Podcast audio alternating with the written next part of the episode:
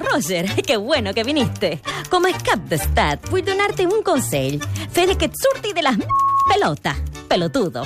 Però que no et noti, no, no et facin com a viviste. T'escoltaré cada tarda de 4 a 7, des d'aquí. Petons, Cristina. A Catalunya Ràdio ja tenim estat propi. És l'estat de Gràcia. Cada tarda, de 4 a 7. Amb Roger. De Gràcia, esclar. Doncs si no.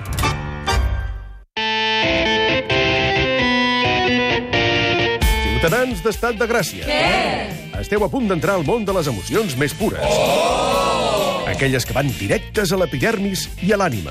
Aquest, i no altre, és el poder de la música. Siguem tot orelles perquè arriben els subsecretaris d'Afers Musicals, el rapsó de Pep Blai i el mag de les blanques i les negres, eh? les tecles blanques i negres, s'entén? Joan Pau Chávez.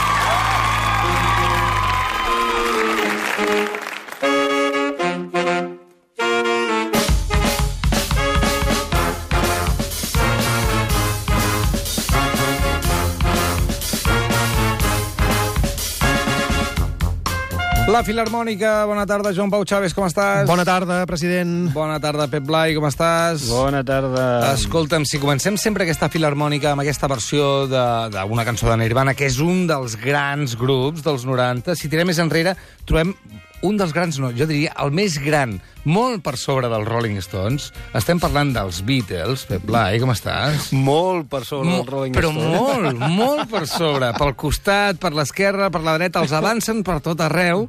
No, ara faig conya perquè sé que el, que el Pep Blai és molt de Rolling Stones, però sí que volem parlar dels Beatles avui perquè volem parlar d'un dels discos més rellevants de la música popular del segle XX, un disc que va marcar un punt d'inflexió a nivell artístic i que ha fet 50 anys que es va publicar. Estem parlant del Sgt. Peppers, eh, Joan Pau. Sí, sí, sí, sí, això mateix. És el, un dels grans discos dels Beatles i on segueixen explorant i experimentant amb sonoritats i conceptes i que es va convertir en una icona referencial de la música pop. Una referència de la música pop, Pep Blai, és així? Tot i que t'agradin tant els Rollings? Escolta, que a mi també m'agraden els Beatles, que a mi m'agraden Sopa de Cabra i Pets, que m'agrada Llach i Serrat, val, val, que sí. jo no sóc de dicotomies com Sí, tu. però t'agrada més el Que jo ja he crescut i m'he fet madur. Però t'agrada més el Rolling, sí o no? Beatles, quin discasso Sgt. Pepper's Lonely Hearts Club Band que es va presentar en societat l'1 de juny de 1967.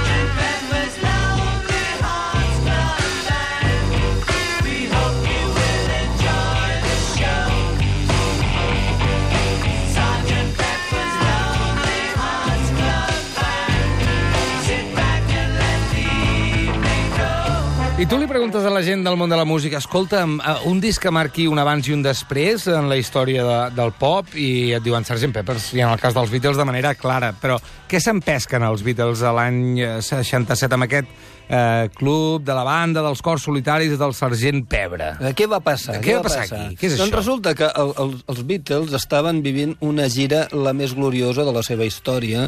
La Beatlemania ja se'n parlava a tot arreu, es parlava de Beatlemania a tot el món, i, i s'estava esperant el nou disc de, de, de Beatles com si fos la gran novetat del segle. És a dir, en aquells moments estaven al cim eh, a Europa, Estats Units, a tot arreu hi havia una espera de Beatles. Aleshores, ells eh, estaven una mica cansats, per no dir estaven fins als pebrots, d'arrasar tot arreu amb, amb les mateixes cançons, fins i tot el John Lennon havia dit... eh, love you, yeah, no, no, yeah, Exacte, yeah. Estamos, est estem farts de fer música lleugera per a gent lleugera, havia arribat a dir, no? Mm. Bueno, però és que feien concerts i ni se'ls escoltava de lo que cridava la gent, no hi Sí. havia prou potència. Dius, per què hem d'anar a tocar al Sí, sí, sí, Stadium sí, sí. d'Estats Units si no ens sent ningú? No? Sí. Correcte. Va ser l'època que John Lennon va dir que eren més populars que Jesucrist, es va muntar Ah, exacte. un Cristo, en aquest cas, Exacte, gros. sí. I, i, i, i, bueno, i el que passa que ells també ja s'havien fet grans i tota aquella il·lusió de triomfar com un grup de pop, diguéssim, i Ja ja, la porta, ja estaven sobrats, ara volien un pas més, que era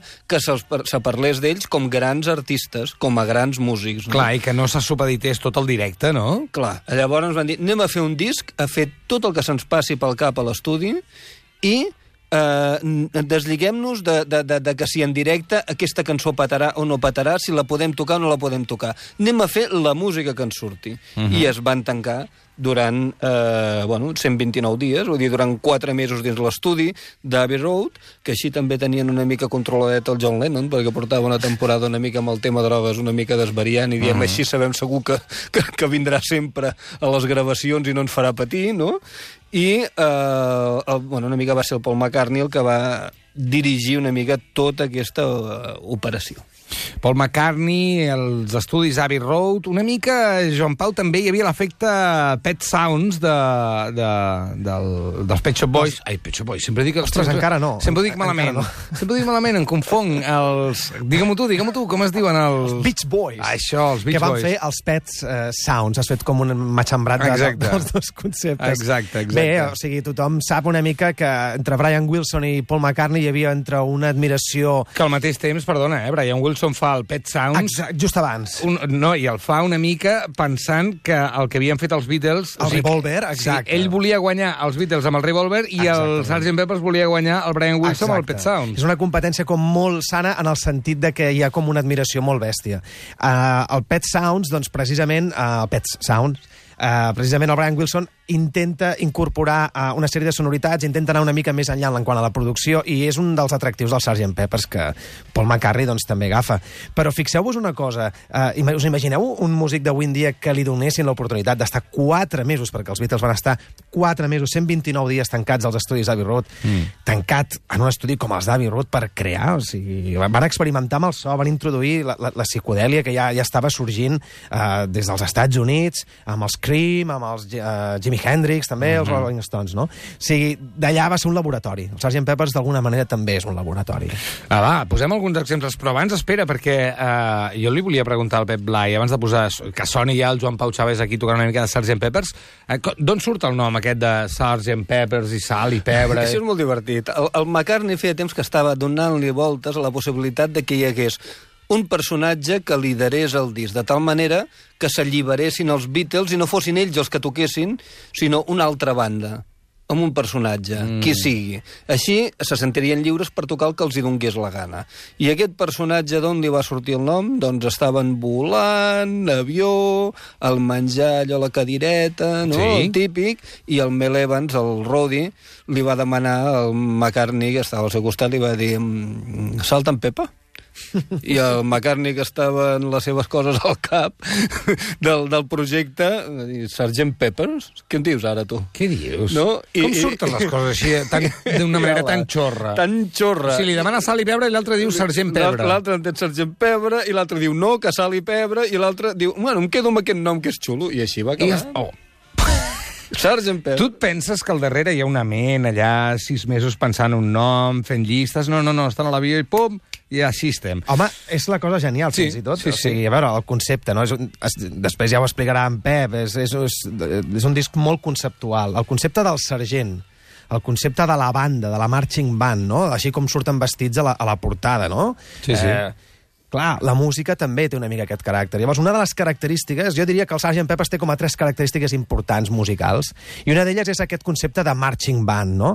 Eh, de recuperació fins i tot del swing, i que en moltes cançons de, de, de, del Sgt. Peppers doncs, està present. Per exemple, la segona cançó, no? la segona cançó, que sé que t'agrada molt, tot i que t'agrada molt la versió del, del Joe Cocker,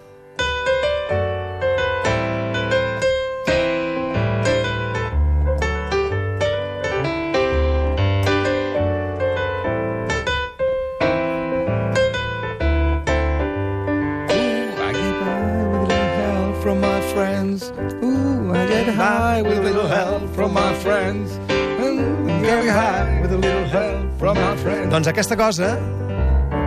Aquesta cosa Marching Band doncs, també es repeteix, doncs, per exemple, amb el Fixing a Hole. Oh, m'encanta.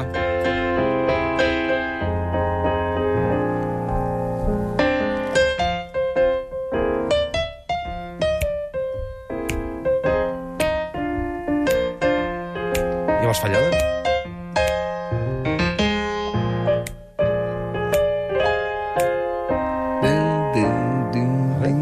El Getting Better...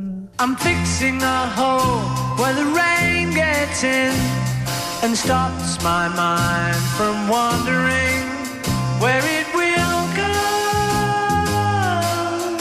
Doncs t'he de dir que si el que buscaven era un efecte de, de marcar distàncies amb ells mateixos, a mi el van aconseguir, perquè me'n recordo perfectament a casa estar escoltant les primeres cançons, el que dèiem, el She Love You, el Twist and Shout, tot això, i de sobte escoltar els Sgt. Peppers i dir, aquesta gent qui són? Aquests són els mateixos? Som un grup americà de, de, de, de psicodèlia, Sí, quasi, no? són- Que haguessin, que haguessin anat a viure a San Francisco amb, amb, amb, amb els crim i amb tot el que Sí. s'estava coent en aquells moments. Això és una de les coses que els Rollings no van saber fer mai, que és eh, canviar. Zasca.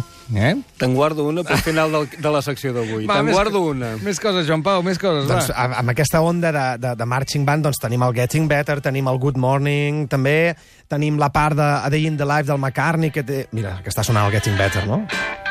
I used to get mad Veieu aquesta bateria, aquest ritme? Molt marching band, no?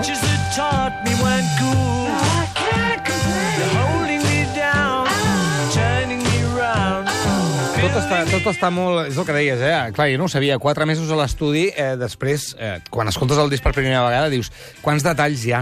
És a dir, només aquest Moltíssims. patró de bateria, aquest patró no es fa el primer dia. Aquest No, patró es no, fa no, no, escoltant, reescoltant, variant, variant, fins que trobes la caixa que val dos i mig i el Charlie s'ha aixecat. Dius, ara, aquí. Clar, és que, a veure, ja se n'ha parlat molt de, de, el procés, de l'evolució que tenien les cançons, el procés eh, creatiu que tenien les cançons dels Beatles. A lo millor la versió definitiva era la, la presa 48, no? I era després d'una setmana. Clar, això és molt bonic, tenir tot aquest procés a l'estudi. No com els. Rollings, que la donen per bona a la... No, ja, no, ja, no, ja no insisteixo, ja no insisteixo. Bé, concepte Marching Band, eh, la banda del Sergent Pepper, no? Del Sergent Pebre. Clar, després també hi ha una altra característica que abans ho hem comentat, els instruments. Hem escoltat Fixi- Fixing a Hole, que comença amb un clavicordi. Eh, pff, ostres, fins ara no s'havien sentit masses clavicordis en la música pop. Tenim una delícia de cançó, que és el She's Living Home, que ara mati si vols la punxes, que és una cançó que és arpa, quartet de corda i veus. Wednesday morning at five o'clock as the day begins. Silently closing her bedroom door, leaving the note that she hoped would say more. She goes downstairs to the kitchen, clutching her handkerchief. Com ho veus, Pep Blai? Home, jo el que veig és que és una flipada. Dius, això els Beatles? Doncs sí, també. Però és que, a més a més, no ho feien només amb els instruments que no eren típics del, del pop-rock, sinó que amb les guitarres també se sotmeten a experimentació, no? I seguint una mica doncs, l'evolució de Revolver, no? Uh, uh, I jo crec que trobem uns efectes que van tenir molta influència posteriorment amb els mateixos Beatles i amb altres grups, no? Efectes de distorsió, de trèmolos, de revers... Van experimentar amb màquines i amb coses que no s'havien fet abans. Per exemple, amb quina cançó ho veus? Home, la que més experimentava... El Lennon també experimentava amb el seu cervell i ho feia amb una cosa que es deia LSD i va fer una cançó que es deia Lucy in the Sky with Diamonds on ens experimentava amb el cap i experimentaven amb les guitarres. Cellophane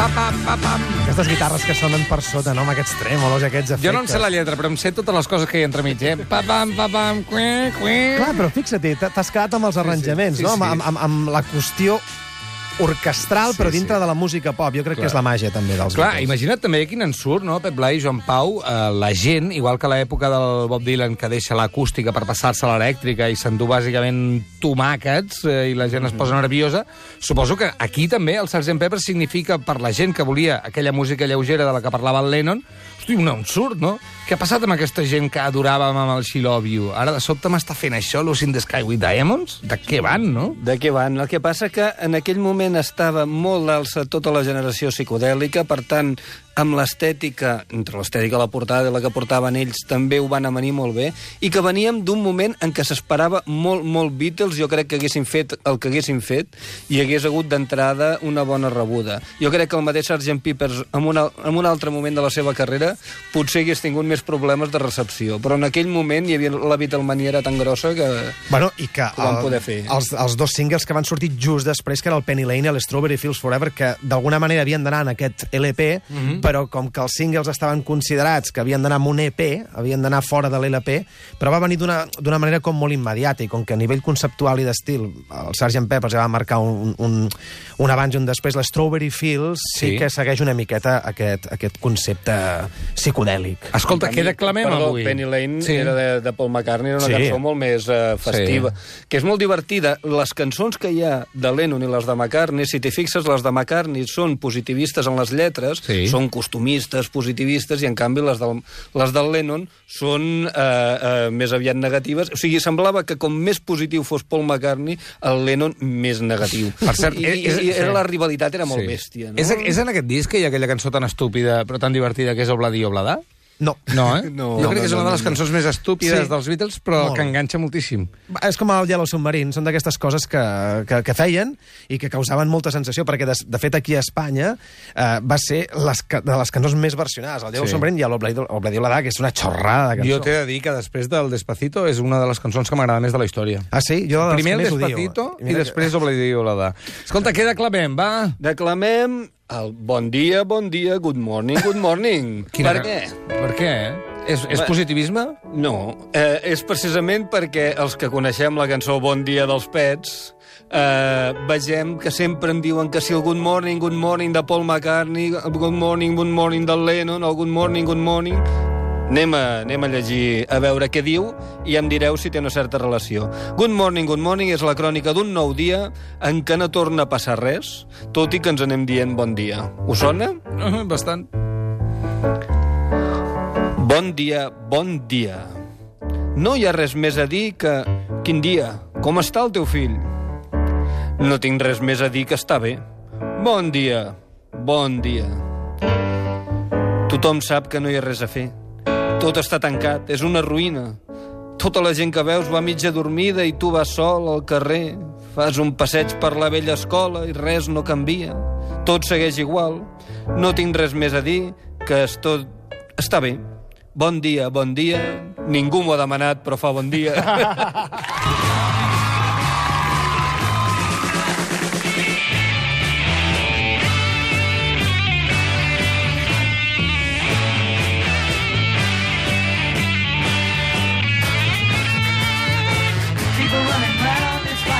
Everyone town is getting dark. Everyone you see is full of life. It's time for tea and meet the wife. Good morning, good morning. Uh, aquest uh, disc essencial en la música de la, de, de, del segle XX, uh, del XXI, del XIX, de la que vulguis. Eh? Uh, aquest Sgt. Peppers que ara fa 50 anys, eh, del 66, i que avui estem celebrant a l'estat de Gràcia. Una coseta, aquest Good Morning, Good Morning està escrit en part pel Paul McCartney i en part pel Lennon, eh? Vull dir, hi ha un trosset de lletra cadascun, que això també té gràcia. També, Normalment també. o escriu un escriu l'altre, Sí, no? sí, sí, sí. No? Escolta'm, va, remat uh, del Sgt. Peppers. Per cert, per cert, la gent, no sé, que, tingui, que no l'hagi escoltat el Sgt. Peppers, que segur que hi ha gent que no l'ha escoltat. Aneu a Spotify i de dalt a baix. De dalt a baix, De dalt a especialment baix. A Day in the Life, que és una meravella de cançó, és l'última cançó del disc. I a més a més, si deixes passar després, com a 20 segons, et trobaràs una, una sorpresa fricada que feien els Beatles moltes vegades al final dels discos, i eh, molt recomanable. Tot i que em quedo moltes ganes d'explicar detalls musicals i una anècdota. No, explica, va, un minut. Paul McCartney Sí. va morir sí. amb el Sgt. Peppers. No, no ha era tot- Malaby Road. No, no, no amb l'Abbey Road surt, surt descalç, que era per donar continuïtat a la, a la, a la llegenda, Sí. però si us hi fixeu, a la contraportada del Sgt. Peppers o en el llibret interior veureu que totes les fotos dels Beatles tots surten mirant a càmera excepte Paul, que surt d'esquena. Era aquí on es va formar la llegenda. Sí, diuen de que Paul McCartney va tenir un accident i que va morir. I resulta que van fer un concurs d'imitadors de Paul McCartney. Va guanyar un tal Billy Shears, canadenc, que resulta que és el personatge, és el Sgt. Peppers. La cançó del Sgt. Peppers ah. diu Benvinguts us presentem a Billy Shears. I quan acaba Sgt. Peppers i comença uh, With a Little Help from My Friends, els Beatles canten Billy Shears. I surt cantant Ringo, el With a Little Help. O sigui, És que quatre mesos allà dintre tancats donen per bé, moltes tonteries. hi ha molta, molta, molta història divertida. divertida. Escolta, acabem la secció tocant una mica la que tu et vingui més de gust, Joan Pau, del Sgt. Peppers, la teva favorita. La meva favorita. Sí, eh, avui dedicat especialment a tu, que sabem que el Sgt. Peppers t'enamora. Eh, Pep Blai, alguna última cosa a afegir? Sí, a la portada del, del Sgt. Peppers hi ha una nina... Sí. Hi ha un munt de celebritats davant la tomba dels Beatles i hi ha una nina amb un costat amb una samarreta que posa Roger, welcome Rolling Stones. No, va- no valen res, aquests, no valen res.